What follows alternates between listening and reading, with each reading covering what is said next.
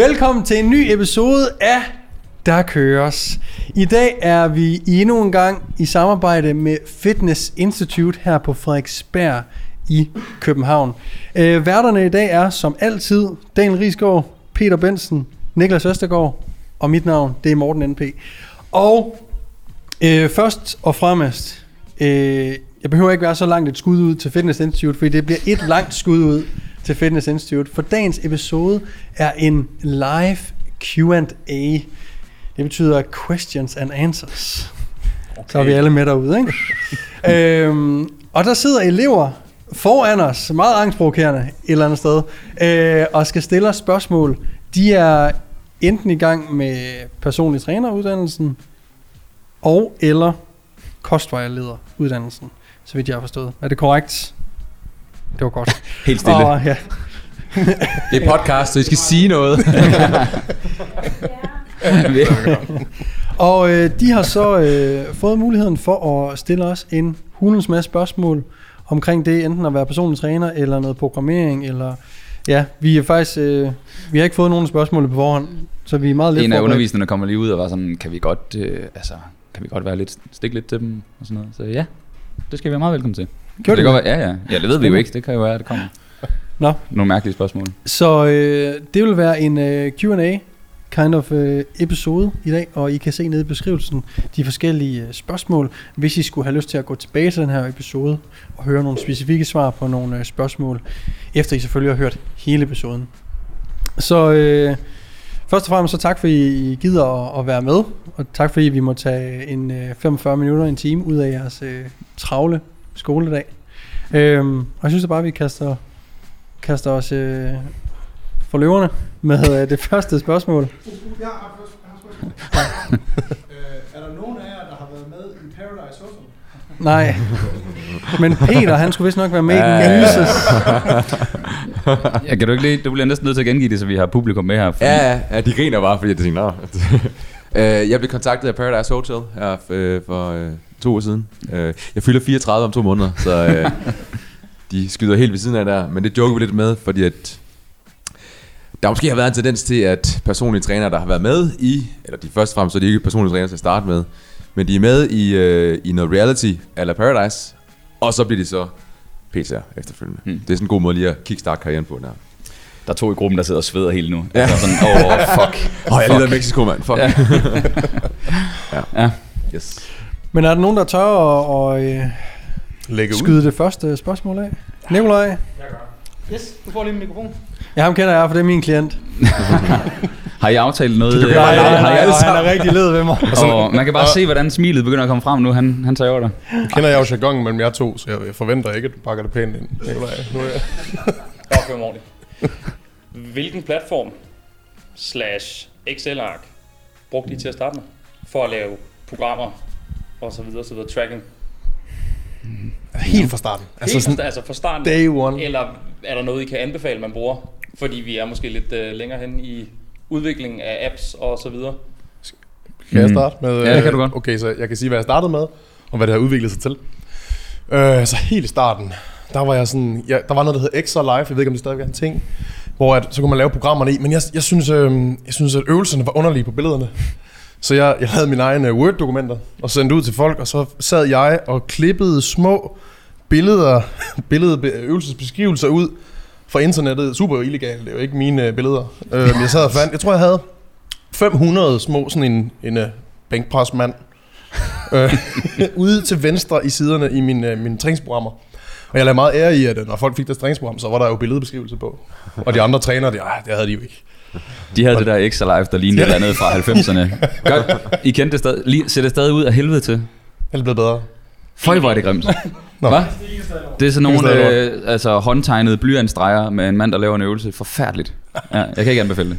Men altså, det, det, er- nu er det jo så øh, otte år siden nu, og det, sådan, det har udviklet sig lidt. Så blev det til, øh, så gik man lidt videre. Jeg begyndte at lave nogle, nogle, nogle pdf'er, jeg sendte i. Så begyndte jeg at gå lidt med i Excel.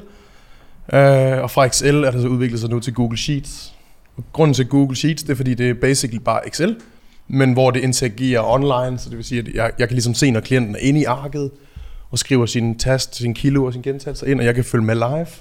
Øh, men jeg er ikke gået videre fra Excel, fordi det fede ved Excel, det er, at du kan selv programmere, du kan selv lave nogle, nogle formler, der giver dig mulighed for at udregne volumen, intensitet, og du kan ligesom bedre holde overblik, og du kan selv bygge det, som du vil, hvorimod hvis man bruger, det kunne være en eller anden app, det kunne være Fortis for eksempel, ikke også? Peters app. Godt bud. Så kan det være, der er noget, man er utilfreds med, eller et eller andet, hvor man siger, ah, her vil jeg godt have, den skal gerne være blå, den her farve. Det kan man ikke, men det kan man i Excel. Så jeg er stadigvæk old school og kører Google Sheets, som basically bare online Excel. Boom. Den tilslutter jeg mig også. Jeg har så bare brugt øh, Google Sheets hele tiden. Øh, men jeg var heller ikke personlig træner dengang, at øh, du startede for otte år siden. Øh, så jeg brugte ikke Excel live. Kan du huske det program? Kan du huske det? Man Ja, kan se ja. ud af mere, hvor Ja, gammel ja, ja, ja. var. Jeg fik et dårligt design Ja, Kan ja, vi, gang. har du stadig noget liggende? Kan vi lige få en sådan tsh, op på Jeg har, YouTube? jeg har et lig, jeg har, det, jeg har Åh, nej. været øh, klient ved Daniel for fire år Du har set, altså siden. du har brugt billederne. Ja, ja, det første program, jeg fik, og der var også sumo løft på rygdagen. Øh, Ja, yes, yes, yes. det er rigtigt. øh, det program har jeg stadigvæk. Det skal vi lige have op på skærmen her, Anders. Er det ikke engang fire år siden, det er fem år siden, morgen? Ja, det er det nok, ja. Altså jeg tror, øh, jeg gjorde lidt det samme som jeg to. Jeg lavede bare, øh, jeg brugte ikke engang Excel. Jeg lavede det også som pdf. Det vil sige, jeg havde en eller anden skabelon ind i Word, Mm. hvor jeg så smed programmet ind, fordi så måden jeg, når jeg startede et forløb, så havde jeg ligesom en, en række materialer, man fik, og så hang det ligesom sammen i sådan en lang stribe i det der pdf-dokument. Så der var nogle overvejelser i forhold til kost, i forhold til træningen, så kom træningsprogrammet, så kom kostplanerne, da man stadig lavede dem, og så fik det det i sådan en 20-siders sådan, værsgo. Ja, De fik bare sådan en kompend. ja. Det, vi starter i morgen. ja. Du læser lige det hele igennem. Men øh, så gik jeg også over til Excel og brugte øh, Dropbox.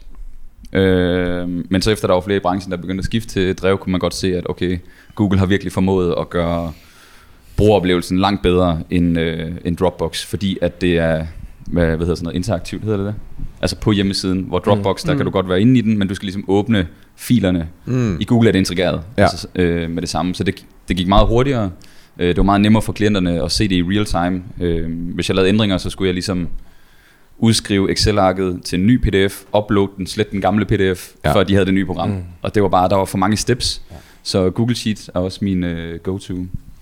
Øhm, Dem, dem kan man jo også ændre designmæssigt. Ja. Sådan at man, det kan godt være, at alle bruger Google Sheets, men I kan sætte jeres eget logo ind, I kan vælge jeres egen farver, og, så man kan godt få det til at se meget professionelt ud, mm, og stadigvæk have den enorme frihed, som Daniel siger med, at øh, man vil gerne vælge den her grønne farve, eller blå farve, eller ja. Ja. hvad det kan være, og man kan skrive stavefejl også derinde, og alt muligt. så er det også lidt personligt, ikke? Man kan lave stavefejl. Sejler i stavefejl. Ja. Men Peter, Ja. Kom med det. Åh, oh, kom med det, Peter. Oh, Jamen hvad skal jeg, altså, øh, ja, jeg har jo lavet en app, øh, så, og det, øh, det vil jeg ikke anbefale jer at gøre, hold kæft mand, det, øh, nej, det, det har gjort, at jeg også kan, kan sende programmer ud til mine øh, klienter gennem den her app her. Øh, Hvad hedder den? Den hedder Fortis. Og øh, det er jo selvfølgelig super fedt, og, og det kan en masse ting, at man bare lige åbner en app, og så ligger der et program. Men øh, hvis ja, med tiden skal jeg jo have alle de ting med, som der er inde, som man bare kan lave i et, øh, i et Sheets-program, for det er smart, og det er også det, jeg vil anbefale jer, hvis jeg skal sige noget, øh, at starte ud med. Øh, fordi man kan have de her, du har programmet, hvor du kan se, hvad de klienterne taster ind. Hvis du kan lidt mere, mere nu siger jeg kode, det, siger, det hedder det nok ikke, men øh, lave en, en algoritme, der ligesom regner ud, hvad de løfter i tonnage, så kan man lave nogle super fede features, som øh, er motiverende for, øh, for klienten. Mm. Øhm, så kan man lave et separat sheets, med, hvor de kan skrive nogle mål ind, der er måske en forklaring til træningsprogrammet, og så videre, ligger fast, så man så går ind og tilgår, for at se, hvordan udvikler klienten sig. Øhm, ja, så det, jeg er helt klart anbefale øh, sheets. Hvis man ikke lige har lavet en app, så ja, er det da okay. Hvad, brug- ja, for du brugte Sheets før, Ja. du kom med din app, og du har lige rykket alle de fleste klienter, så jeg på en story. Yes. Alle er over i Fortis nu. Der er enkelte, der, der bliver i, i sheets, fordi at de synes ikke, appen er god nok. så øh, Åh, oh, fedt. Er, der stadig, er det fordi, at der er for mange boks stadigvæk, eller fordi ja, der at den var, bare vi, vi startede tungt ud, ikke? Øhm, men, men ja, den er ikke... Øh, den er smart, og den er brugervenlig osv., men der er også selvfølgelig nogle mangler stadigvæk. Øh, for eksempel det der med, at den lige regner tonnage ud for alle de enkelte stationer osv. Så det er noget, der kommer nu her i løbet af, af de næste par måneder. Må jeg også sige, at planen er at udvide til andre PT'er? Lige præcis, ja. Så, det, så man kan bruge den til sine klienter, eller hvordan? Ja, sådan okay. så I nye personlige trænere, nok lave godt tilbud til jer, øh, kan sætte programmer ud til jeres klienter gennem Fortis appen. Det er Okay. Stærkt. Det er sjovt, at vi har jo alle sammen... Jeg, jeg ved faktisk ikke... Jeg tror faktisk, du, du er bare lidt foran din tid, Morten. Det er du altid. Du er altid så hurtig. Det er Jeg stresser irriterende. helt vildt. Altså. Altså, Men, men øh, jeg ved, måske både Niklas og mig og øh, Peter har også i starten havde... Øh, jeg havde i hvert fald sådan en folde ud mappe, hvor jeg havde en kuglepen. Og så havde jeg programmerne skrevet ud. Jeg kan huske, det betød meget for klienterne, at jeg havde printet programmerne ud, til de mødte op til sessionen. Så jeg stod med min, min mappe og velkommen, og jeg er din personlige træner. Og så gik jeg rundt og så vigtig ud med den der mappe. Og det, det fungerede længe. Det var, det var skide godt. Det, problemet var bare, det sådan, man vil også gerne have tid til at snakke imellem sættene, og nogle gange så brugte man mere tid på at tage noter. Det var bare sådan, det der med at tage fysiske noter, det fungerer sindssygt godt in session, for så skal man ikke stå med sin telefon. Så der er sådan pros and cons, for det der med at stå med telefonen og skrive sin data ind, så, hov, så kommer lige en Instagram-notifikation, øh, hvis man vil mærke selv er nede at træne, så klienten kan godt blive distraheret af, hvis alt de har foregår på deres telefon. Så der skal man ligesom bare lige lære dem, okay, hvis du ikke kan abstrahere for det, så skal du måske skrive ned i en notesbog. De køber måske bare sådan en Kina notesbog, og så når de kommer hjem, taster de så det for notesbogen ind i Excel-sheetet eller, eller mm. Det er bare lige en god note at tage med, at det er det der med, at alting foregår på. Det kan være en iPad, man er med, whatever it is. Øh, jeg kan godt lide, at man har øjenkontakt og sådan noget. Ellers så bliver det meget til, klienten kigger ned, og du står og skriver ind i appen, og så er når tiden gået, når så er det sæt. Jeg kan godt, teknologien kan godt nogle gange være et problem, mm. synes jeg. Ja, så det andet problem er udefra. Så hvis I kommer ud i et gym, fitness world eller, eller et privat gym eller et eller andet, når træneren står med telefonen meget, så ser det super uprofessionelt ud. Ja. Så hvis der er andre, der potentielt leder efter en træner nede i gymmet, så kan de godt hurtigt komme til at tænke, om ham der, han, mens de kører deres Han står bare sæt, sms'er. så står han bare i sms'er eller på Instagram og sådan noget. Så man skal sådan, Og måden man, ja. ja. man, man er med telefonen på er ret vigtig, for at det ikke ligner, at man bare sådan er pisse ligeglad med folk. Det er, og der er mange, der gør det, altså er på Instagram og laver andre ting. Ja, ja. Det ser forfærdeligt ud. Ja. Øh, og Det er ligesom hende nede i Netto, der sidder på telefonen, indtil der kommer kunder. Ja, ved det kassen. ser lige så ringe ud, Ja, når man står med en klient. det er sådan, den der pakke ris skal helt ind i kinden på, inden før hun sådan, nå. Ja. Man kan, bare se, man kan bare se de her tømmermænd, og man har bare lyst til at stikke dem en, en flad. Så øh, ja. Men det, og, det, og det er faktisk rigtigt nok det der med, hvis jeg har, jeg har mange klienter, som har, alle har faktisk deres program på Sheets. Hvis vi tager noter, så sørger jeg for, at de er med. Bare sådan en kæmpe pro-tip her, når i selve sessionen, i stedet for at du står sådan her, for så ligner du sms'er med dine kollegaer eller eller andet. Så de står ved siden af dig, så viser du, at så taster man ind. Det er bare sådan en lille ting, så folk kan se, at man interagerer.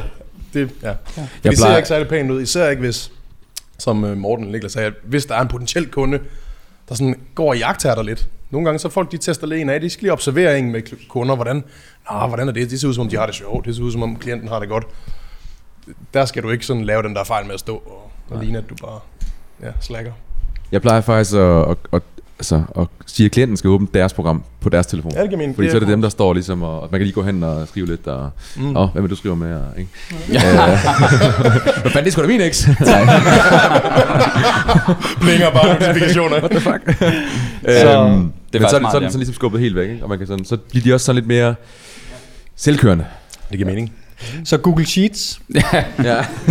Det var et langt svar på... Øh, Du sagde, at vi skulle køre sådan en fire round, så det er så okay. Det vi nogle gange kommer til, det er sidste gang. Nogle gange så vælger vi et emne, vi skal snakke om på den her podcast. Så er vi sådan, ah, er der nok kød på? Det tager kun 10 minutter. Er nu okay? Sidste gang, der skulle vi snakke om tempo. Det tog en time. Altså tempoudførsel. Så, Vi øh, skynder os lidt mere. Men vi skal nok skynde os. Lad os tage et nyt spørgsmål. Ja, Var, der, var det svar nok? det var så fint. det var godt. Vi kan godt fylde mere på, hvis det er. Ah. Fedt, mand. Må jeg få den? Hej, øh, jeg hedder Sofie, og jeg har også været uddannet mig til personlig træner. Nu var du øh, lidt inde på det, Ja, Daniel. Daniel, ja. Yes. Øh, I forhold til, om klienten har det sjovt, og ser som I har det godt.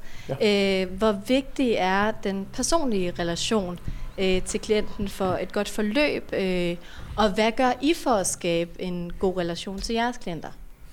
Uh, deep. Øh, mega godt spørgsmål. Først og fremmest. Mm-hmm. Tak. Øh, nu er det underligt, du har stillet spørgsmål. Jeg sidder sådan og kigger væk fra dig. øhm, jeg føler, at det er 100% af forløbet. Det, når man... Du må sige til, hvis jeg fucker det op, Anders. Øhm,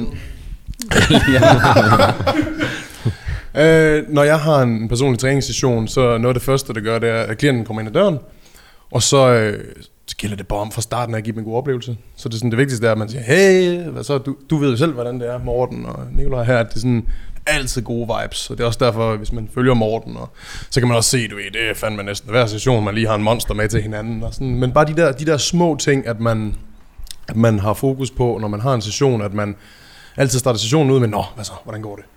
Og hvordan går det? Det betyder oftest ikke ret meget omkring træning og kost. Det er sådan lige, hmm, det går sådan her. Og så får de åbnet op. Og nogle gange, så handler det bare omkring, øh, hvordan det går med squatten, og om de får spist og så videre. Men typisk drejer det sig også hen på nogle private ting. Og det er lige så vigtigt, at du sætter dig ind i det. Og at du husker, hvad deres familiemedlemmer hedder, og du husker, at når datteren har fødselsdag næste uge, og de her ting med, at du spørger ind til, Nå, hvordan går det for at få solgt huset? Alle de her ting, at man sådan husker de her ting, for det betyder rigtig meget for klienten, at man, man viser, at man rent faktisk, øh, det, er noget, det er noget, du, øh, hvad er ordet, care på engelsk? Gå op i. Går op, ja, går op i, ja. Altså, du basically bare viser, okay, du, er sådan, du går op i, hvordan de har det. Også bare dem som personer, som hvis de var en kammerat eller en veninde, ikke? Det er ligesom nede fra frisøren, ikke? Altså, du ved, de kan også altid huske det, men de har altså en lille note. ja. Man ser den ikke. Var du til frisør, eller hvad? Øh, jeg vil, må jeg sige noget? Ja, ja. Det er fuldstændig rigtigt. Måske sådan, hvis man det tager lidt, lidt øh, større perspektiv, det kan jeg godt lide lige at zoome ud. Og, Zoome ud, ja, zoome ud. Ja, øh, men sådan, det der med at ramme deres energi, lige sådan Mm. for dem, hvor er, Yes. hvor er de hen? Kommer de fra en, en stresset øh, dag, klokken er halv fem? Øh, har de, jamen du kan nærmest se det i hovedet på dem, de er, de, de, at, at, at de hovedet er mødt op, det er en præstation for dem. Ikke? Der skal man måske ikke lige være ham der øh, personlig træner, der har drukket fire monster, så hvad så, hallo der, mand! Altså, lige ned, og så prøve at ramme deres energi, og selvfølgelig bygge dem op, men tage dem derfra, hvor de er. Mm. Præcis. Yes. Jeg tror også, at det er rigtig vigtigt. Vi er selvstændige persontrænere og får meget kunderne på, at kunderne ved, hvem man er, inden de køber. Så de har købt ind på, hvem man er som person. De har vurderet, Nicolai har, har vurderet, at han godt kunne bruge en time eller to sammen med mig en gang om ugen, ikke? Det er også rigeligt. Ja, tak for det.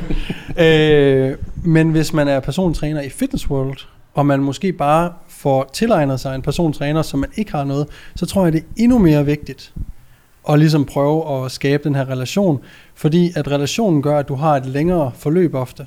Og det er ikke bare, nå, jamen nu ramte du øh, dit mål i bænkpres, hvad så nu? Jamen tak for det, det var, øh, det var godt. Adieu. Adieu. Ja. Men den her relation gør, at man har lyst til at lave et nyt mål sammen, og derved forlænger du ligesom klientens øh, levetid i din forretning. Ikke? Så især når man bare får tilegnet klienter, og de ikke aner, hvem man er, man er bare en personlig træner, så skal man ligesom give noget af sig selv, og vise også dem, at de gerne må give noget af dem, så man skaber en god relation. Mm. Mm. Men lad os nu sige, at jeg er personlig træner nede i Fitness World, mm. og jeg får en klient, som jeg bare ikke har nogen kemi med. Mm. Ja, ja. Hvad gør jeg i den situation? Det, det, det, det er virkelig, virkelig dine people skills, fordi øh, oftest, hvis du har en klient, du ikke har kemi med, så skal I ikke starte forløb. Det er sådan min holdning. Men jeg forstår også, godt, hvis man er ny PT, så er man sådan, jamen jeg bliver nødt til at have nogle klienter, for jeg skal ligesom skabe et ry, nogle resultater, der gør, at jeg kan få flere. Så er det bare din ypperste evne, at du bare læser personen.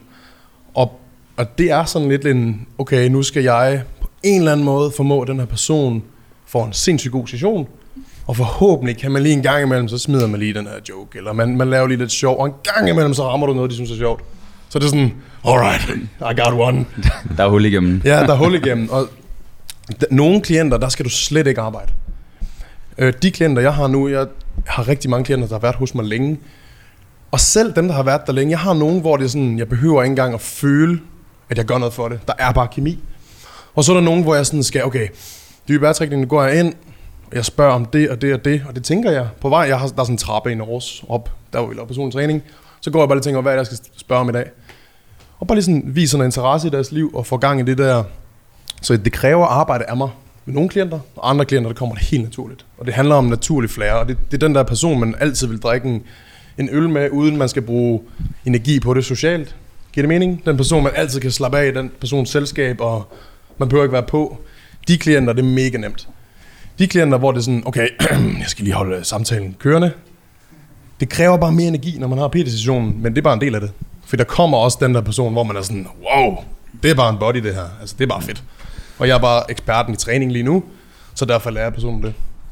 Så det, Mm. Ja. Men lige præcis, det er et arbejde. De betaler dig for, at de kommer ned og får en ydelse. De kan, godt, de kan også godt mærke, om kemien ikke lige helt er, er, er super fed, men, øh, men de er der for se- se- selvfølgelig op og få nogle, øh, komme tættere på nogle mål, de har med, med deres krop, eller hvad det nu må være. Ikke? Øh, så er det godt være, at kemien ikke lige spiller fuldstændig. Og det tager lidt mere energi fra en, end det gør, når man står sammen med en eller anden, hvor det bare pingpong, man står nærmest bare med en kammerat. Mm. Øhm, det tænker jeg også øh, mange af dine frisøroplevelser, ikke? Der er også nogle, der kigger kalenderen og siger, okay, nu kommer Anders Dahl. Fuck, man. Hold kæft, han er bare tung at danse med, ikke? Men øh, det skal jo klares.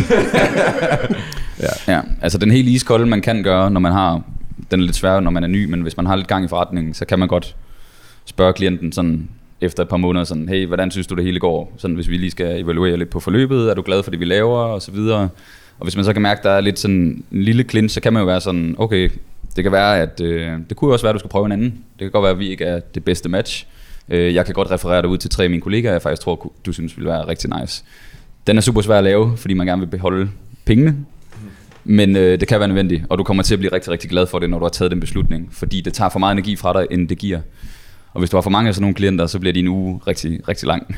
Hmm. Så øhm, ja. ja. men jeg vil også lige sige i forlængelse af det, øh, Daniel sagde med, at det var 100% relation. Så ude i gymsene kan du også kigge på, øh, på dem, der er trænere. Der er nogen, der har sindssyg gang i forretningen, men teoretisk sejler. Ja. Altså hvis man sådan træningsteori og så videre, de laver nogle mærkelige ting. Men de har super gang i forretningen, og folk er glade og smilende. Så er der nogle af dem, der har altså, taget alle kurser i verden, mega nørdede, de ved alt og kan hjælpe alle, men deres people skills er så dårlige, at de kæmper faktisk med at få klienter. Ja. Så det er den, altså den personlige relation er vigtigere end teorien. Ikke at den ikke skal være der, men hvis I ikke har people skills, så bliver det meget svært at bygge en, øh, en forretning op. 100%. Ja. Og, og kemien, hvis der så er kemi oveni, og, eller hvis du har god kemi, og du så også dygtiggør dig, det er jo bare sweet spot. Det er Så bare bliver fedt man rigtig, rigtig god. Ja, ja, Ja. præcis. Cool. Godt spørgsmål. Fik du svar øh, på det? Ja, det gjorde jeg. Tak for det. Det er godt. Fedt mand. Er der flere? Jeg er tænker, spørgsmål? du sender bare... Øh, Vi kan være, vi skal ned i den anden. Nå, sorry. Ellers så bliver det... Nå, kører bare. Vi kører, vi kører. Ja, øh, jeg, jeg har set det der ansigt på internettet. Hvad er dit navn? jeg hedder August Ja. Hvad hedder du det efternavn? Bukhav. Alright, jeg ved også godt, hvem du er. Nå, Ja. ja. jeg sad bare helt dodgyret derovre. Øhm, jeg er i gang med at både blive personlig træner og kostvejleder. Mm-hmm. Øhm, og i dag er jeg så på kostvejlederholdet. Og vi kunne godt tænke os at høre, øh, hvordan I screener folk for eventuelt forstyrret spisning, skråstreg, spiseforstyrrelser. Ah, åh, oh, det er et godt spørgsmål. Mm. Øh, er nogen Jeg, ja, men jeg kan godt lige prøve at tåle på den, for jeg tror, jeg arbejder mest med vægttab og sådan nogle ting. Oh, men jeg har... Det er fandme svært, fordi jeg synes, det er en... Det er en skill, jeg sådan har opbygget igennem årene, så jeg har ikke sådan et script, jeg bare lige sådan kan kaste ud. Øhm, jeg vil sige, i min, i min opstartsproces, der tager jeg altid et opkald med folk. Så har jeg et øh, udvidet spørgeskema, og så ud fra de to ting, vurderer jeg ligesom, om jeg synes, at det er noget, jeg kan hjælpe med. Og så er jeg ret transparent med at sige, at jeg ikke kan hjælpe med spiseforstyrrelser, eller hjælpe med, øh, hvad hedder det, der er også en masse madrosekurser, man kan tage nu her. Det, jeg kan godt til dels hjælpe med det, men hvis folk gerne vil opnå et vægttab, så hænger de to ting ikke helt sammen. Så der bliver man bare nødt til at lægge kortene på bordet og sige, jeg har ikke uddannelser inden for det her. Og det skal du bare vide, at hvis vi, hvis vi gør det, så, så gør jeg det ligesom på den her måde, og det skal du være indforstået med. Så har jeg haft nogle, øh, nogle forløb, hvor vi længere ned af, af, af vejen, to måneder inden eller sådan noget, så kan jeg bare mærke, at det, de er over i en eller anden grad af forstyrret spisning. Og så bliver jeg bare nødt til at sige til dem, at øh, jeg tror sgu ikke, jeg kan hjælpe dig med det her. Og så sender jeg dem faktisk videre til, øh, jeg sender dem faktisk tit over til øh, Morten Elsø, og så øh, finder vi en øh, coach over ved ham, der måske kan hjælpe med det. Ellers så har vi nogle øh, psykologer i vores netværk. Hvad er det, som det vi, hedder, øh, hvad er det, det hedder? Morten Alses Madro Instituttet? Hvad hedder er det? der gang ind derinde i bikersalen? Gå ind og skælde dem ud, Anders. Men, øh, men vi bruger rigtig meget det her, øh, hvad hedder det, øh, hedder det, referencesystem. Altså vi har ligesom en gruppe af folk, hvor vi ved, okay, du skal, du skal derover i stedet for. Hmm. Øh, så der er ikke sådan, i opstartsprocessen er der ikke decideret nogen screening som sådan. Øh, jeg spørger, hvad deres historik er. Jeg spørger, hvad deres forhold er, til mad er de sidste tre år, de sidste fem år, de sidste 10 år. Og hvis der er nogle for tunge ting i de ting, så spørger jeg ind til det, når vi så øh, tager samtalen. Og så, øh, så stiller jeg nogle follow-up spørgsmål, og så ud fra det, så laver jeg bare sådan en generel vurdering. Så der er ikke noget, der er ikke noget script, jeg har for en psykolog eller noget, hvor jeg sådan, okay, hvis, hvis hun rammer ud på de her punkter, eller hvis han gør, så skal jeg bare sådan skubbe dem væk. Øh, ja, jeg ved ikke, om det gav en eller anden form for svar, Jo, det gjorde det. øh, men det er i hvert fald sådan, jeg gør det. Ja. Men jeg synes også, det er blevet med tiden øh, lidt en selvfølge, at personlige trænere også hjælper med kosten. Hvor jeg synes heller ikke, der er noget galt i at sige, jeg elsker virkelig bare træningen, og det er det, jeg hjælper dig med. Jeg kan måske godt øh, fortælle dig lidt, hvor dit proteinniveau skal ligge og sådan nogle ting, for at du kan opbygge muskelmasse osv. Men man behøver ikke, som personlig træner i hvert fald, at tilbyde øh, kosthjælp som sådan. Fordi hvis man ikke føler, man er kompetent nok, eller hvis man måske er lidt nervøs for, at man ikke, fordi man er ny, ikke opdager de her ting, og måske leder folk ned ad en forkert øh, vej, så kan du lige så godt bare Mm. afskrive det, det fra starten. Øh, der er jeg gået lidt mere over i, at sådan, jeg fortæller meget firkantet, hvad er det, jeg kan hjælpe med, og hvad er det ikke, jeg kan hjælpe med. Og øh, mit klientel er lidt et andet end, end Niklas'. Mit er meget unge, lidt unge, øh, som gerne vil være øh, stærke øh, og større. Og, og der er det ofte ikke kosten som sådan, der er øh, det vigtigste i forløbet, det er træningen. Så jeg kommer ikke ud for lige så mange Mm. situationer, men jeg har prøvet det også at, at gøre lidt ligesom Niklas sætter dem til vanecoacher. Øh, ja, jeg har også lige noget at følge op med, som jeg lige glemte at sige, men jeg har også nogle gange forløb, hvor at, øh, altså hvor vi hyrer en psykolog eller terapeut ind fra siden af, fordi deres træningsmål er der Yes, stadigvæk, yes. og deres øh, vægttabsmål er der stadigvæk, men hvis det er en for tung en opgave fra, øh, til, at vi kan håndtere det, mig og klienten, så hyrer vi en ekstern ind, så har hun faktisk, hun, øh, hun eller han har så både psykologen, terapeuten og mig, og så kan vi i samme spil finde ud af, hvordan det hele skal være. Fordi målet er måske stadig vægttab, men det er svært at gøre det målrettet, når de har de her tanker. Fordi de er meget hurtigt over i nogle ekstreme øh, tilgang eller et eller andet. Så, øh, så den konstellation kan også godt fungere. Så det, de snakker om med psykologen, det kan jeg snakke med dem om til personlige træningssessionerne, eller hvad det nu er. Så kan vi sådan evaluere på det og prøve at finde nogle værktøjer, der sådan spiller, spiller sammen. Øh, så det er også et setup, ja, jeg kan anbefale. Yes. Skulle du til at sige noget, Peter? Nej. Nej, okay. Uh, jeg kan virkelig tilslutte mig det der. Uh, især fordi jeg har også haft... Det er det samme med skader. Hvis folk har en fysisk skade, så skal man også kende sine begrænsninger, og ikke begynde at lege fysioterapeut, fordi man er sådan, I need the money, fordi du, du kan gøre folk mere skade end gavn. Så det jeg plejer at gøre, det er, at jeg har nogle, nogle super kompetente fysioterapeuter i mit netværk, hvor jeg siger, okay, prøv lige at høre, hvis du, det kan være der er en, der starter op hos mig og siger, hey, jeg vil gerne det og det og det, men jeg har godt nok den her knæskade. Så siger jeg, okay, du skal vide sådan og sådan, før vi kan gå i gang, så skal jeg have dig screenet hos den her fysioterapeut. Jeg kan så i samarbejde med fysioterapeuten lave et program, fordi mange fysioterapeuter er rigtig dygtige til at diagnostisere og vide, hvordan helingsprocessen foregår osv., men deres øvelsesrepertoire er ikke så stort. Fordi de lærer ikke i samme grad, hvilke øvelser man kan lave for den og den muskel på fysstudiet, som I gør. Så et sindssygt godt samspil imellem en fysioterapeut og en personlig træner kan være at brainstorme sammen. Og så laver du måske, hvis, hvis, hvis pigen har et, en knæskade, så laver du bare hendes øh, overkropsprogram, som om intet er hent. Og så benprogrammet er med i samarbejde med øh, fysioterapeuten. Og så laver man sådan et forløb, hvor man har samspil, og det er det samme med øh, spiseforstyrrelser. Det er, at man siger, okay, jeg kommer til at stå for træningsdelen. I forhold til det her med kosten, der kan jeg mærke, at jeg er simpelthen ikke kompetent nok til at hjælpe dig. Og det siger man bare med selvtillid i stemmen. Det er, det er noget, som klienten føler sig tryg i, at du tør sige, at du ikke er dygtig nok. Så det vi gør, jeg har den her kollega, hun er uddannet, øh, det kan være øh, vanecoach, øh, hun har måske en øh, overmodul af spise, der er sådan nogle moduler med for eksempel øh, overspisning og sådan noget. Så får man hende indover, han, han hun indover, og så kan man samarbejde om det igen. Og så kan den her vanecoach kan typisk gøre det og sige, okay, nu er vi et sted, hvor du godt kan sige til din klient, at hendes mål må godt være at øge lidt mere i protein. Det gør ikke noget skidt for hende lige nu. Fedt, det gør jeg. Okay, prøv at tage en proteinshake en gang om dagen, eller et eller andet. Så man kan have sådan en, en treenighed med klient, behandler og træner, og det fungerer sindssygt godt.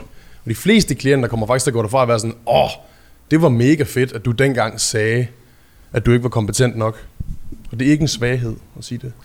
Og plus det kan gøre, at man kan, hvis man får det samarbejde der, Mm. mm. så måske at banecoachen får nogle øh, klienter ind, altså, de søger ind i en personlig træner, kan du, kan du henvise til nogen? Yes. Bum, ikke? Hver fysioterapeut gør det samme.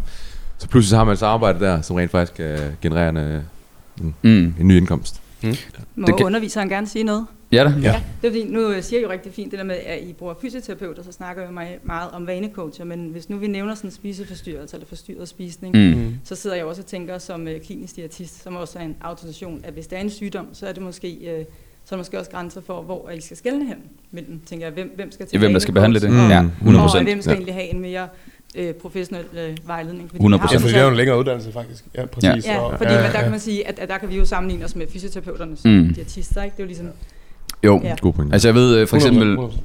Øh, jeg mener Morten Elsø, som jeg skriver med nogle gange, har, øh, han har selvfølgelig hans vanecoach-uddannelse og de, de der moduler, men han har også sine egne øh, psykologer, han hvad hedder det, øh, sparer med. Så, der er sådan, så man skal selvfølgelig ind og finde ud af, hvad den bedste behandling er.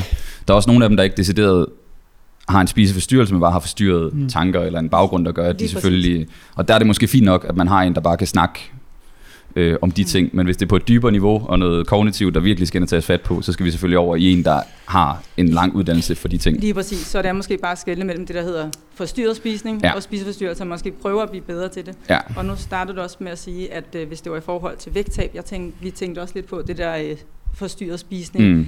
Der er jo også mange mænd, altså, som netop træner meget ved en forstyrret Mm. spisning.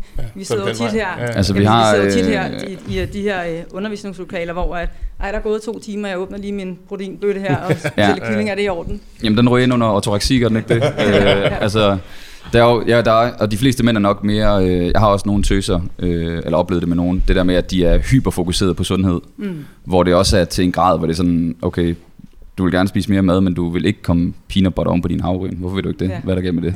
Jamen, det, det har jeg det bare lidt svært med. Ja. Okay. Smager det godt med peanut butter over på hav? Ja, det smager sygt godt, men okay. jeg kan godt høre, at du er bange for for mange kalorier i den lille klat. Det er sådan, så man kan godt... Det siger jeg ikke til dem sådan der, men... men du ved, man kan godt... omformulere det? men du ved, man kan, når man har været i branchen i noget tid, kan man godt høre, hvordan deres hoveder er skruet sammen. Så den måde, de kommunikerer på, og sådan, man kan bare høre, okay, der er bare nogle kasser her, som skal brydes, og hvis jeg ikke kan bryde dem for dem på relativt kort tid, så skal de måske over have noget, øh, noget mere hjælp et andet sted. Nu, nu fik vi Det måske også til at lyde som om, at vi bestemte, hvor de skulle hen. Nå ja, Hvor man måske får en, at man kan man vurderer, jeg kan ikke hjælpe dig med det her. hmm. Og så ens første tanke er måske en øh, vanecoach, ens første tanke er måske en diætist. Og så må den, man sender den videre til, vurdere, hey, er er det det her, er det noget, du kan hjælpe med? Og Mm. så må den person, den må man også stole nok på, til at sige, nej, det har ikke noget med mit område at gøre. Heller, de skal simpelthen, hvis det er en vanecoach, de skal simpelthen til en diætist. Så, så det, er, jo- man, øh, det er jo ikke, fordi vi pådutter dem noget, men nej nej. man ligesom får skubbet. Man er i hvert fald ikke selv kompetent nok til at tage, tage det emne op, så man skal sende dem videre til, til den rigtige. Mm. Det er jo ligesom er politikere nu her i forhold til at bestemme, om der skal moms på tingene. Ikke? De er simpelthen ikke kompetente nok til at vurdere, om der skal moms på. Nej. Fordi, øh, Nej, Ja. men, Men- øh, jeg er helt enig og super fint svar. Jeg Ja. ja. høre, om jeg også med Men, men det, er, det er en vigtig snak. Altså, øh, ja, så vi kan bare i bedste evne skubbe dem hen i nogen, vi tænker kan vejlede dem endnu mere. Om det så er at skubbe dem yderligere videre Mm. i systemet, eller hvad det er. Så øh, ja, Og en pointe og slutpointe i forhold til det, det er også, at måske er det slet ikke vanecoachen, den spiseforstyrrede skal hen til. Det skal være helt ærlig. Det er måske nærmere nogen, der specialiserer sig i spiseforstyrrelser. Det gør man ikke som vanecoach. Jeg er selv uddannet vanecoach hos Morten Elsø, og jeg sender folk videre. Mm. Jeg, er sådan, jeg er ikke dygtig nok. Det, det, så, så du har ret. Jamen, øh, jeg hedder Hjalte, og øh, jeg er ved at uddanne mig til personlig træner også. Øh, og jeg kunne egentlig godt tænke mig at høre i forhold til hver enkelt, i forhold til fejltagelser som PT, øh, Ja. hvad for noget, man, vi skal være opmærksomme på, når vi kommer ud, og så også gode råd sådan fremadrettet. er det både forretningsmæssigt og også med klienter og det hele, ja. Hele vejen rundt. Nej, hvor lang tid har du? Ja. vi tager, vi tager Wow. Nej, det, det er så godt. Det er et godt spørgsmål, det er fedt. Biggest mistakes. Jeg ved ikke, om det er en fejl, men jeg er jo gammel. Øh, det er ikke det, er en fejl. Men øh, Det er en fejl. ja, det er en fejl. men øh, jeg er jo... Øh, jeg er jo... Jeg var, var den første, der lavede PT også? Øh, Det tror du var. ja, tæt på. Du er jo ja, gammel. Jeg er jo gammel, ja. Øh, og jeg kommer på det tidspunkt fra en øh, bachelor i ernæring og sundhed. Og på det tidspunkt, der... Øh, det, det er meget sådan ud på den uddannelse, at, at man prøver sådan at lægge op til, jamen, prøv at finde ud af, hvad der sådan er, hvad der fungerer. Og Man, man, man, får ikke sådan, man tør ikke sådan sige, eller det kan man ikke tør sige det, men det der med, at, at kostplaner skal man nok holde sig fra. Det er sådan også en ting, man faktisk bruger ud på, på ernæring og sundhed på det tidspunkt. Øhm, og det er det også i dag i en meget isoleret kontekst. For, for nogen kan det give mening, ikke? Men det har jeg brugt for meget dengang. Øh, det, det kan jeg sige, at, øh, at det er gået helt væk fra. Øh, det var ikke, jeg ved ikke, om jeg kalder det en fejl. Øh, på en eller anden måde er det selvfølgelig en fejl, men, men jeg vidste jo ikke bedre. Men det kan jeg i hvert fald sige, det har jeg rettet til. Og nu bruger jeg ikke så meget kostplaner mere. Men Den tror jeg, vi alle sammen kan knytte os til. Ja. Så, men det, som du siger, Peter, om det er en fejl, det er jo bare, at man bliver bare bedre uddannet, Ja. og man får mere viden, Ja. øh, området bliver større, man har mere data, Ja. og så videre, ikke? Ja, problemet med kostplaner, bare lige for at ridse kort op, det er jo ikke... Man kan jo sagtens være rigtig dygtig til at lave en kostplan, som opfylder alle kravene, som giver mening, sådan rent sundhedswise, ernæringsmæssigt, i forhold til klientens målsætning. Problemet er, at kostplanen er ikke at uddanne klienten, det er bare, at de følger bare noget, og så er det sådan, "Nå, hvad så efter? Nå, så får du, får du en ny kostplan. Hvad, hvad, bagefter? hvad er planen en efter ny- kostplanen? Ja, Ja. så, så det er det der med, at man, det går op for en, at de vaner, man tilegner dem via kostplanen, dem skulle man bare have arbejdet med at give dem fra starten af. Så, nå, lad os kigge på de proteinindtag, lad os kigge på de grøntsagsindtag. Lad os se, hvor kommer størstedelen af kalorier fra? Kommer det fra snacking? Kommer det fra hovedmåltider? Hvor mæt spiser vi os? Alle de her ting, som man automatisk justerer ind, uden at tænke over det, når man spiser efter en kostplan. Det er jo egentlig bare dem, man skal tage fat i. Og kostplanen gør, at man ikke tænker, og så bliver folk bagefter sådan lidt, gud, hvad? Jeg, jeg, jeg kan også se faktisk retention rate. Kan I se det? Dengang, jeg lavede også nogle vilde resultater, da jeg lige var ny PT, fordi folk fik bare en kostplan. Men de holdt ikke resultaterne så godt. Og det kan jeg godt se nu, at det er sådan, selv dem, der jeg laver super, meget, meget, meget simpel kostvejledning med, deres resultater, de holder, fordi de får en vane, og den bliver de bare ved med. Åh, oh, fedt, den er sådan for godt nu. Mm. Det kan tage rigtig lang tid at implementere en vane, men det er da langt bedre, end at man får sindssyge resultater, og så klienten tager så det hele på igen, for eksempel. Ikke? Hvis jeg lige må tage den på, til et højere niveau, det kan jeg godt lide at gøre. Higher note. Så øh, hvis man sådan, altså, jeg vil sige, hvis man sådan, når man kommer ud som ny PT, så kan man godt have en fornemmelse af, at wow, jeg sælger mig selv til, nu siger jeg andet, 500-600 kroner i timen. Så man føler nærmest, at man har svært ved at retfærdiggøre den pris, så man prøver sådan at putte lidt ekstra ting på. Og det kan jeg huske, jeg prøvede på at gøre. Så jeg tog et kursus, tog flere kursuser faktisk, der hedder biosignatur. Øhm, hvis det er, man måler med sådan en, øh, en øh, skinfold measurement, og så ud fra det, der mener man så, at der er et program, som man selvfølgelig betaler i dyredom for at bruge. Det fortæller så, at øh, hende her, hun har for højt østrogenniveau, eller et eller andet. Jeg kan godt høre det, det lyder lidt spændende, ikke? Øh, men så kan man rent faktisk fortælle, man kan sige noget håndgribeligt, der er meget specifikt til, til Lone, der sidder her. Ikke? Du skal sgu øh, spise nogle flere grøntsager, og sådan, og det skal du på grund af den her den her. Øh, og, og der er sgu heller ikke ret meget på, på biosignatur, må man bare sige. Øh, så det falder lidt tilbage til, kig på videnskaben. Hvad fortæller videnskaben os? Forsøg at bare holde det til det, og, og ikke forsøge at, og, øhm, ja, og, og, og finde på nogle ting i værktøjskassen, som, fordi du ikke er, du har svært ved at retfærdiggøre din løn måske. Mm. Så prøver du at gøre det ekstra fancy. Du prøver at gøre det ekstra fancy. Hold det simpelt.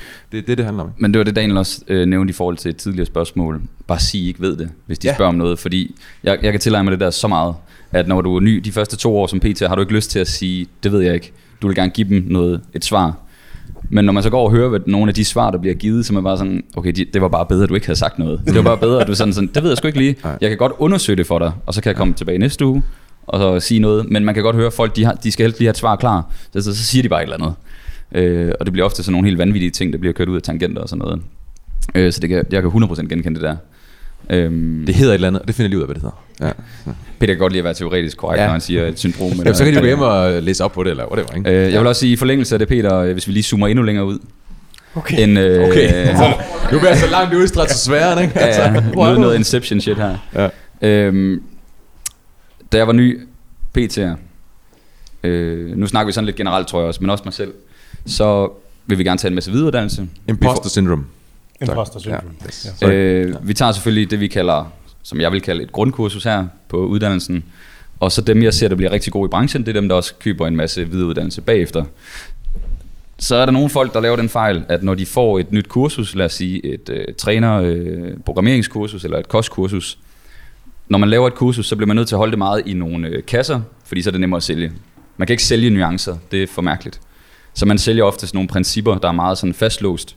Så når man tager et nyt kursus, så det næste halvår, så alle klienter bliver bare kørt over samme kamp, fordi det er det, man har lært på de her kurser. Yes. Så når man tager kurser, vil jeg bare sige, så husk lige at zoome ud, og så være sådan, okay, det her det lød fedt, det vil jeg prøve, det der det lød fandme for alternativt, det gider jeg ikke. Altså prøv at- handpikke lidt mere. Jeg vil sige, alle de kurser, jeg har taget, så er der måske 10 eller 20 procent, jeg bruger af hele kurset, resten det skrotter jeg faktisk. Eller så er det bare en bekræftelse i, at okay, noget af det, jeg har gjort før, det, har også, det bliver bekræftet i her i det her kursus også. Det synes jeg var sådan en klar øh, fejl, jeg lavede. Ja, og jeg vil så sige, der er også en del af det, der hedder, at man skal også prøve tingene af. Mm. Så man kan måske godt se, at øh, når man nu har du taget et nyt kursus, det var et eller andet Biomechanics 101, lige pludselig sidder alle og laver sådan en single arm cable row, og så Lone på 70. Jeg sidder bare. Og, og, Vi og ved Lone. så bliver man nødt ja, det er altså Lone. Var det ikke også Lone, der mistede håret Jo, jo, i en tidligere podcast? Ja, jo, sorry. Øh, og, og det, der er vigtigt, det er, at før du ved, okay, det var ikke lige til Lone, det her, så bliver du nødt til at lige prøve det. Du bliver nødt til at se Lone og gøre sådan her med øjnene. Oh my god. du ved, for du retter på en skabel af position. Det er sådan, nej, det er ikke rigtigt det her. Det er sådan fucking ligegyldigt for Lone. Hun skal bare trække i noget. Altså, så det er sådan, man skal også, før man kan komme til det punkt, hvor Niklas er, så skal man også lige have prøvet at få det her kursus, hvor du sådan, okay, nu skal jeg bare prøve det hele af. Og så finder man ud af, okay, der var måske kun 5% klienterne synes var fedt, og 5% som var applicable. Og så ved du det næste gang, du tager kursus, og så behøver du måske ikke at hælde biomechanics ud over dit ældre klientel. Jeg kan huske, jeg, øh, jeg tog Okay. sådan et... Øh, har I hørt om Training for Warriors? Kender I det? Med Martin Rooney? Som er kæmpestort i hele verden. Altså, øh, Han solgte sådan et koncept, og jeg var i Berlin og tage det kursus på et tidspunkt. Og øh, jeg var det sammen med to kollegaer. Den ene var faktisk Mathias Hostrup øh, her fra øh, Fitness World. Og da vi kom hjem, så de der klienter, de blev bare hivet igennem det, han kalder hurricane workouts. hurricane. hurricane workouts, fordi det var for øh, det var opbygge cardio, øh, vaskulære system, opbygge styrke, tab der er helvede til høj forbrænding og sådan noget. Og de der klienter, de blev bare savet i de der hurricane workouts. Det er sådan, hvor du har tre stationer. Den ene er en pulsstation, den anden er en styrke øh, station, og så har du en eller anden eksplosiv, sådan noget slam balls eller et eller andet. Korte pauser, så saver man det bare igennem sådan nogle runder. Folk var ved at dø af det. Altså, så det var sådan meget hurtigt, man var sådan, okay, det kan godt være, at jeg ikke skal bruge det her på alle. så det var sådan, det var sådan et, et eksempel, jeg lige kunne, øh, kunne huske der. Jeg, Ja. tror, jeg tror noget, der også er rigtig vigtigt for en ny, er at så hurtigt man kan finde den målgruppe, man gerne vil arbejde med. Fordi at det vi nok alle sammen også har gjort, er at tage uddannelser, som i hvert fald virkelig interesserer en selv til at starte med. Og så får man Lona på 70, man sætter til at lave one-arm cable uh, pull-downs, ikke? Hvor at hvis du øh, ønsker at træne unge fy, eller hvad, hvad hedder det, øh, hvis du ønsker at træne øh, Lone, som ikke træner som dig selv, så skal du tage kurser, der kan hjælpe Lone, og ikke dig selv. Ja. Hvis det giver mening. Giver mening. Så find den øh, målgruppe, du gerne vil arbejde med, og så uddanne dig inden for det, og brug det på dem. Uddanne dig også inden for dig selv, Mm. hvis du synes, det er mega nice, og så brug det på dig, på dig selv. Øhm, og så en ting, jeg synes, der er rigtig, rigtig nice, øh, som jeg har lært af den Rigsgaard, det er Mhm. mm-hmm. altid at have et nyt mål for klienten. Så klienten kommer og siger, jeg vil gerne ramme 100 kilo i bænkpres. Lad os sige, det tager fire måneder. Du skal allerede have tænkt over, okay, hvad kunne det næste mål være? Og et løft er altid meget håndgribeligt. Øh, også selvom at det er Lone. Det kunne godt være, at Lone skal lære at, at dødløfte, trap bar dødløfte 60 kilo, sådan 20 hver side. Det ser sejt ud. Men hvad så efter det? Så finder man ligesom noget nyt. Så det her, det, det giver en længere levetid på klienten, fordi de hele tiden ved, hvorfor de skal komme ned til dig som personlig træner. Lad os bare give dem sådan et helt urealistisk mål, som de aldrig når, så det er bare evighedsklint. er det også en Ja, mulighed? det, de skal også have nogle mål, de opnår, Okay. sådan at du kan vise dem, at du rent faktisk Jamen, vi har en god relation, ikke? Så det kan Ja. du er så dum, det var. Kom aldrig i mål. Ja. Det er også ærgerligt. Men ja. jeg kan bare huske i starten, når, jeg, øh, når klienter stoppede, og jeg tænkte sådan, ah, vi havde god kemi og de her ting, hvorfor var det, at de ikke stoppede? Eller hvorfor er de ikke blev ved? Og så kan jeg godt se lidt tilbage på, at jamen, det var måske, fordi jeg ikke var så god til at sætte det næste mål. Og så tog jeg det bare for givet, at de kom måske en gang eller to om ugen og trænede. Men hvorfor skulle de det, hvis vi bare træner og hyggesnakker? Det går ikke.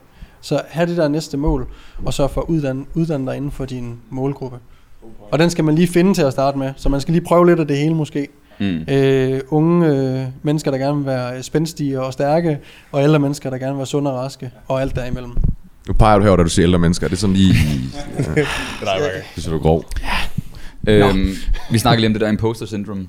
Når der er nogle spørgsmål, hvis, I, hvis der er sådan nogle gengivende spørgsmål blandt klient, øh, klienter, I ikke kan svare på, så kunne det være en god idé at søge kurser, hvor I så bliver uddannet inden for det. Så hvis I altid får kostspørgsmål, og I ikke rigtig synes, I er så sikre i det, så søg mod kostuddannelserne og bliv bedre der. Hvis det er nogle træningsting, coaching i de store løft eller et eller andet, så tag nogle trænerkurser, hvor I, hvor I kommer til nogle workshops eller et eller andet. Så I hele tiden opbygger jeres weak links. Øh, fordi så til sidst, så er der ikke så mange ting, I ikke kan svare på, fordi I har taget noget inden for det hele. Så selvom jeres målgruppe er vægttab, så er det stadig nice at kunne lave, altså få folk hen og køre pæne øh, bevægelser, hvor de er effektive og kan blive stærke og sådan noget. Mm. Øh, ja. Lille pro tip. Jeg har sådan en lille ting, en, en, en fejl, jeg virkelig lavede i starten, hvor jeg var sådan, hold da kæft, altså hvorfor gjorde jeg det? Og det var sådan ego-drevet, tror jeg. I starten, når jeg havde øhm, klienter, jeg havde meget det der ry, at åh, Daniel Risker, han, han træner folk hårdt. Øh, jeg havde en militærpoliti klient, som hed Thomas. Han kunne sågar finde på, hvis han skulle træne med mig onsdag, selvom han havde trænet arm om morgenen øh, tirsdag, så kunne han finde på om aftenen gå ned og træne ben tirsdag, fordi så skulle han ikke træne ben med mig dagen efter. Så han var sådan, og vi skal ikke træne ben, jeg trænede øh, ben i går, så jeg så det også i går morges. Ja, ja, hvad nu? Og det, og det var en ting, det der med, at folk kom til mig og var sådan, shit, jeg skal træne ben med Daniel. Og jeg synes, det var fedt. Det var sådan, jeg var ham der, den der hardcore træner, ikke? Og sådan, go hard or go home. Men for det første så øh, viser alt videnskab, at du behøver ikke at gå til failure i alting, du laver. Du behøver ikke at træne så hårdt, at du er øm i 14 dage. Det synes jeg åbenbart dengang. Og noget andet er også, at det er jo fordi, du booster dit eget ego, for du får et eller andet ry om, at du er ham der, der træner klienterne hårdt. Og især hvis du er en muskuløs fyr, som, som er sådan, okay, men du er sådan, hvad, hvad er dit øh, signature ting? Om det må være, at du træner hårdt. Du er den der PT, der selv walker the walk. Du er ikke bare all talk og alle de her ting. Ikke? Jeg kan kende mig selv i det, da jeg yngre. Og hvor jeg er sådan, gud, hvor var det bare en usikkerhed. Fordi jeg troede ikke, at klienten fik det, de kom for, hvis de, hvis de gik derfra og kunne gå. Så, var sådan, så var det jo sådan... Prøv at høre, hvor sindssygt det lyder. Og det, og det er også sat på en spids, ikke også? Altså, men, men, Rullestolen er klar Men- herovre. ja. men det var, sådan, det var sådan en ting med, at hvis man ikke gik sådan lidt dårligt ned ad trappen, når man har trænet ben med mig, så, så er det lidt underligt. Og jeg, jeg tror bare, at det er en usikkerhed for mig. Fordi hvis man bare hviler i, når jeg ved, at det her program, vi skal lave progressiv overload over tid, mere kilo over tid for eksempel, når man starter u 1, hvis jeg har en klient, men hvis jeg har en PT-session med en klient, hvor de rammer u 1 på deres program, så skal jeg da for helvede ikke ødelægge dem, så de er ømme i 14 dage. De skal jo progressere for det her stadie. Og det hvilede jeg ikke i starten.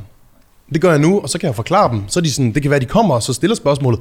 Nå, men jeg troede egentlig, at det ville være sådan noget, hvor jeg slet ikke kunne gå. Og så kan jeg forklare dem. Nå, men prøv at høre. Sådan og sådan og sådan. Det kan jo godt være, at du får den følelse den sidste uge på programmet, inden du skal lave en deload. Men, men det er ikke derfor, du er her. Du er her ikke, fordi jeg skal smadre dig. Så kan du vælge en af de andre. jeg er for at uddanne dig, jeg er for gøre dig dygtig. Og hvis du vil have en hård træning, jamen, så timer vi det med, når vi rammer uge 5 inden deloaden, så giver vi den gas. Men lige nu, der, går vi altså efter de her ting, som videnskaben anbefaler. Og det der med at hvile i det, og være sådan, okay, klienten synes stadigvæk, du er sej. Selvom at de går derfra og tænker, åh, det var, det var egentlig nemt nok. Ja, det var noget, jeg har lært. Og har I også nogle gange prøvet kun, altså jeg har nogle gange klienter, hvor vi kun når at lave to øvelser. Jo. Altså fordi der skal snakkes meget mere til den station. Der er et eller andet med kost, der er et eller andet. Og så lige pludselig kigger man på det som sådan, okay, der er gået 20 minutter, vi er ikke engang varmet op endnu. Vi står bare og drikker kaffe. De er pisse glade, når de går derfra. Det er sådan, åh, de har lige brug for sådan at komme af med et eller andet. Og så er sådan, "Nå, okay, hvis du er glad, jeg er glad, alt er godt. Det var sådan, vi nåede en squat og en cable row. Vi ses næste uge. Jeg Ja, altså man, man behøver ikke have, man behøver ikke tro, at der er en vis måde, en session. Nej. skal løbe på. Det handler om at mærke klientens mm. øh, energi, som Peter også var inde på, og lidt hvad de har brug for Mm. på den gældende dag. Og det kan være, at der er nogen, der har brug for at snakke halvdelen af timen, øh, og træne den anden halvdel. Ja. Ja, I kan godt have en plan, og så bliver den fuldstændig ændret. Og så føler man nemlig, at vi nåede jo ikke det, jeg havde planlagt, så nu er det en dårlig session. Det er sådan, nej, jeg tror, hvis klienten smiler, når de går derfra, så er de øh, rigeligt tilfredse. det har jeg faktisk lært af dig, siden du og jeg er blevet partner i det en coaching, at det der med, at man er sådan, Du så, hvor lidt de har lavet, og så tænkte du, jeg kan også lave så lidt. du ved, hvis klienten er sådan, vi nåede kun tre øvelser, der, jamen Niklas Vestergaard laver kun to. Så. Ja. Nej, men altså det der med, at man er sådan hviler i, at ens produkt, ud over hvad sessionen giver personen, altså sessionen giver personen en full body træning, whatever, men så er det også sparring, øh, arbejde med deres vaner, og, og hele den her med, at nogle gange, så skal der rigtig meget snak til forud, før at forløbet bliver godt, for der skal skabes en relation, for at de er trygge nok til at dele de ting, som vi rent faktisk skal gå ind og tage fat i. Så det er sådan, nogle gange så er det bare, okay, vi har et full body program. Jeg plejer dog altid at nå hele kroppen med de klienter, der har full body. Men jeg siger til dem, okay, nu skal du se her, øh, jeg sætter en timer, og så bliver vi bare lige enige om, at når, når den ringer, så er det bare lige, så siger vi to be continued. Så tager vi vores sæt, og så snart vi er færdige med sættet, så vender vi lige tilbage til det, vi lige snakkede om, for det var spændende. Det kan man godt i tale sætte, hvis man sådan, okay, vi vil også gerne nå noget. Klienten træner måske kun én gang om ugen, og det med dig, så er det også vigtigt, at de får noget et eller andet. Men man kan godt sådan være pædagogisk omkring det. Og nogle gange vælger jeg også at sige, ved du hvad, i dag, der nørder vi kun bænkpres. Dit program lyder noget helt andet. Men det skal vi have styr på det her. Og det vi så gør, imellem sættene, så snakker vi om alt mellem himmel og jord, vi snakker kost og så videre. Så du starter sessionen ud med lige at lægge kortene på bordet. Det er det her, vi skal i dag. Også selvom klienten havde en anden forventning. Det er dig, der bestemmer. Jeg vurderer, at det er nødvendigt for klienten at nørde bænkpressen, for den sejler. Og vi får samtidig snakket om nogle vigtige ting. Jeg hedder Annie, og jeg øh, er her på fitnessuddannelsen. Jeg kunne godt tænke mig at vide, hvad synes I selv, at I har lært personligt af jeres klienter? Hmm. Oh, ja. Altså sådan all time, bare sådan... Eller er det sådan en, en ting, vi har... Du definerer, hvordan du vil svare. Jeg kan lige sådan, sådan generelt, så øh, det, noget af det, der er så pissefedt ved personlig træning, det er, at dit, dit netværk bliver enormt, og du møder mennesker fra alle brancher. Selvstændige, tandlæger, skolelærer, altså alle brancher, håndværkere, whatever. Øh, så jeg synes bare generelt, at man lærer mange ting af dem, fordi man går bare og... Øh, ja, ofte så træner du også nogen, der øh, måske er ældre, i hvert fald end os. Måske ikke dig, men øh, hvad hedder det? Me- hvad hedder det? Øh, jeg fylder selv 30 i år, men mange af mine klienter er jo plus øh, 40. Nogle af dem er plus, 31. selv, nogle af dem er, plus 50, så det er mange, mange snakke går på sådan noget med børn og fremtid, forretning, øh, sikkerhedsnettet som selvstændig, øh, kæreste ting og ferie og alt muligt mærkeligt. Øh, så jeg, jeg, jeg, kan ikke lige, jeg skal lige sidde og tænke lidt mere om der er sådan, sådan grundlæggende ting, jeg sådan har lært, men ellers det hele er bare en stor læringsproces, som er mega fed. Øh, ja, så det kan være inden for alt muligt mærkeligt. Jeg, skal, jeg tænker lige lidt videre over den, og se om jeg kan finde noget specifikt. Øh, den, er, den er sgu svær lige at... Nu får jeg lov at definere selv, selv det er svært, ikke? Øh, men sådan, man, man, man får mulighed for at snakke med en masse mennesker som personlig træner. Alle mulige forskellige. Også selvom man har et speci- specielt uh, segment, man, uh, man går efter, så snakker man med alle mulige. Og der, der vil jeg sådan sige, igen, stor perspektiv, ikke? Jeg lærer, meget, altså man lærer meget af at snakke med, med mange forskellige mennesker. Man får nogle forskellige perspektiver, og det tror jeg på er, er med til at, at det har været med til at give mig en, en, uh, en masse hen igennem, uh, igennem tiden, ikke? Hvad det lige præcis er, det kan jeg ikke sige, men, men, men man får bare nogle gode dialoger. Ja, og, jeg, tror, jeg, jeg tror, at den største læring for mig, og det virker sådan lidt uh, spacey, men det er, at jeg bliver bekræftet i at lave det, jeg gerne vil lave. Alle de snakke, som man får, alle de gode råd, der er ikke noget specifikt, det er bare sådan en helhed, at når du snakker med mange mennesker, og der er nogen, der giver dig noget meget personligt, der er noget, der giver dig noget forretningsmæssigt, der er nogle klienter, der lærer dig at blive en bedre personlig træner, det er alt sammen meget forskelligt. Så jeg tror ikke, der er nogen, der kommer til at sige én ting, mm. men jeg tror, at det, jeg har lært, er, at jeg laver præcis det, jeg ønsker at lave. Og det er, har jeg jo blevet, jeg er jo blevet bekræftet i at have klienter. Øh, at det er det fedeste job overhovedet. Fordi man rykker de mennesker, man har lyst til at rykke. Man gør ikke bare en, øh, en ændring i deres sundhed og velvære. Det er også bare, øh, man får en relativt god relation nogle gange. Ish. øh, man får sågar venner efterfølgende. Øh, nu har jeg lige åbnet mit eget træningscenter, og det har jeg gjort, fordi jeg var ude at spise med en klient, jeg havde for tre år siden, i fire måneder, som jeg spiser frokost med, og han er 50, øh, og øh, hjemme ved hans familie og hygge, og altså sådan, det er bare et virkelig fedt job, hvor man møder nogle sindssygt fede mennesker, og har nogle sindssygt fede kollegaer også. Ja. Øh, så det er sådan den største læring, er at blive bekræftet i, at jeg er det rigtige sted i livet. Ja, man kan gennem de her klienter, man kan virkelig skabe sig et stærkt net, net, netværk, øh, som kan give de her muligheder her. Ikke? Så Mm. det, det, har det også det har jeg også lært af mine klienter. At, Godt svaret. Enig. Ja, så kan de også lige, øh, altså mange trænere, nu igen siger vi er semi-unge, ikke? Vi kan godt have lidt fart på at være sådan lidt, øh, du ved, semi eller et eller andet, du ved. Så nogle gange så kommer der lige nogle af de der 45-årige kvinder, jeg træner, du ved, så sætter de lige ind på plads. Ja. Er sådan, Nå, åh ja, okay, det kan jeg også godt, det kan jeg også godt se, når du siger det på Ja, den måde. fra det perspektiv kan jeg godt sådan så se, de hvad du er, mener, øh, hvis, man, hvis man har haft nogle klienter i noget tid, og man har en god relation, så er de ikke bange for at udfordre en på nogle ting. Altså det er fucking politik, eller I don't know, et eller andet. Mm. Du ved, så jeg har bare mine øh, smarte holdninger, og, så kan de lige sådan, Niklas, har du tænkt over det her? Så sådan, fuck. Jeg tror, jeg har undladet at tænke over det. Ja. Så det er sådan, så de, øh, ja, så de kan udfordre en, de kan bekræfte en, og de kan gøre alt muligt øh, nice. Ja. I agree. Gav det svar øh, på et eller Ja. Ja. Mm. Oh. Så jeg Mike. vil bare sige, at øh, jeres passion kom jo rigtig fint frem her, så øh, tak for det. Ja, selv tak. Det er vi glade for, du kan se. Ja. Nå, jamen, øh, jeg hedder Annemette, og jeg er 46, så jeg er en af de gamle damer, ikke? Og jeg er ved at øh, læse til personlig træner, så mit spørgsmål går faktisk på, nu er du jo rigtig gammel, ikke? Jo, jo, Jeg ja, så ja. er 34. Åh, det bliver grimt nu, det her, kan jeg mærke. øh, og, øh, og I snakker om alderdom, og I er unge. Hvad, bliver man for gammel til at blive en rigtig god personlig træner? Det nej. vil jeg så sige nej til. Øhm, man kan ikke sige, at du er 46, Anna Mette, bare lige sige. Oh, Øh, no. ja, ja, ja. Men øhm, Smooth. hvis vi kigger på, øh, der, der, er også, der kommer også noget, man, man får en eller anden form for, øh, jeg vil kalde ham det der med, at man bliver lidt patineret. Det giver sådan lidt, han må sgu vide noget ham der, ikke? Altså, vi kender altså ham med skæg, ikke? Han er lidt klogere end alle os andre, ikke? Det giver fem år. Det giver sgu fem år, øh, og erfaring. Øh, Du skal ikke have skæg. det, det er ikke det, vi siger. Ja. Ja. Måske ikke lige skæg, men, men det, det, det er bestemt ikke en dårlig ting. Vi har nogle af de her, øh, rest in peace, Charles Poliquin, uh, Charles Glass, uh, nogle af de her, de er, uh, ja, Charles han døde så i en alder af nogen af 50, tror jeg. Mm. Uh, men men uh, man kan sagtens være en god personlig træner, fordi der er også noget, noget godt ved at være uh, lidt ældre. Man er måske også lidt mere uh, dannet som menneske, man er mere rolig, og så videre. Så det er uh, ikke lige mig, jeg er meget uh, all over the place. Men, uh, Men du jeg virker kan, meget jeg kan rolig. sidde og Det se du. Øh, jeg ved, hvad I to... tænker det I- samme, Jeg ved, det I skal til, hvad I skal Ja, til du gør at det, sige. du gør det. Nej, jeg lader være, ja, du får lov til at nævne ham, men jeg vil bare sige, inden at Daniel han lige tager over, for vi har nemlig en kollega, der er øh, øh, 50 Åh, oh, ja, ja, kæmpe legende. kæft. Ja, Han er undskyld, sorry. ja, ja, han fortjener Men- det. Ja, det skal han. Sorry. Mega. Men man arbejder med mennesker. Og en øh, ung gut på 30 eller midt 20'erne har måske ikke naturligt den bedste relation til en på 50, 60 eller 70. Det kan godt være, at man skal have en nogle gange, der enten er helt jævnaldrende, eller bare tættere på den alder, man selv har. Mm. Så jeg tror helt sikkert, at der er klienter, der hellere vil have en, der nærmer sig en sin egen alder således, som måske har børn, som måske har været igennem de her øh, hurtige 20-30 år, hvor alting bare skal, skal gå sindssygt hurtigt. Så en, de er lidt mere i, i øjenhøjde med. Og der har vi jo vores... Præcis. Der har vi Mark Jespersen.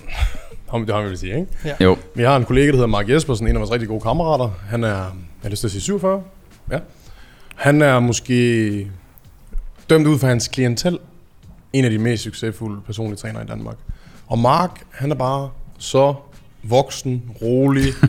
Hele måden, han omgås med sine klienter, og vi har, ja, vi har rost ham mange gange også i den her podcast, bare professionel. Og man kan bare mærke, at han hviler i sig selv, fordi han har de ekstra år på banen. Og man kan også bare se, hvordan klienterne, de elsker det. De elsker den måde, han er på. Og de omgås med os andre personlige trænere, som er lidt mere nogle unge knøser, ikke også? Og de kan også godt lide at observere os, så det er et sindssygt godt samspil, men man kan godt mærke, de er mega glade for deres valg af Mark. Mm. For han har bare den der livserfaring, øhm, de kan spare lidt med ham.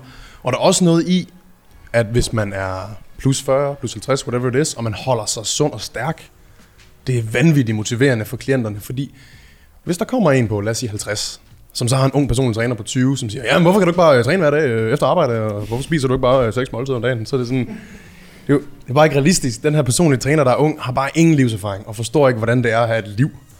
Men, men ham der, der er 50, den personlige træner, der rent faktisk holder sig fit og sund, og han har også alt muligt andet ansvar i sit liv, han er måske langt mere inspirerende end, end den der på 20, så jeg tror faktisk kun, at alder gør en god ting for personlig træning. Meget, det er meget de her helt unge gutter, de er sådan, det er også bare sådan et projekt, de har. Så er det sådan, nå, det, vi må lige prøve personlig træning efter gymnasiet.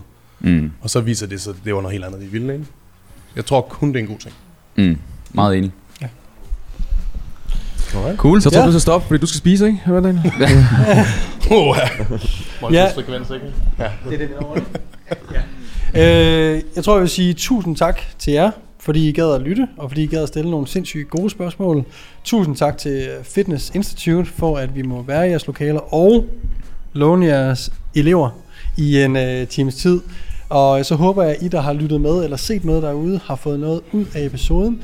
Øh, husk at smide en kommentar, hvis øh, der var noget, vi ikke, gud forbyde det, uddyb, uddøb, uddyb det. Uddyb det, ja. Bare sig det på engelsk. Tag det på engelsk med. Nok. Skriv, skriv, ned en kommentar, skriv en kommentar i kommentarfeltet, hvis det er. Og ellers så øh, tusind tak, fordi I lyttede eller så med. Vi ses. Ses. Der køres for helvede. Fedt. Alright. Tak.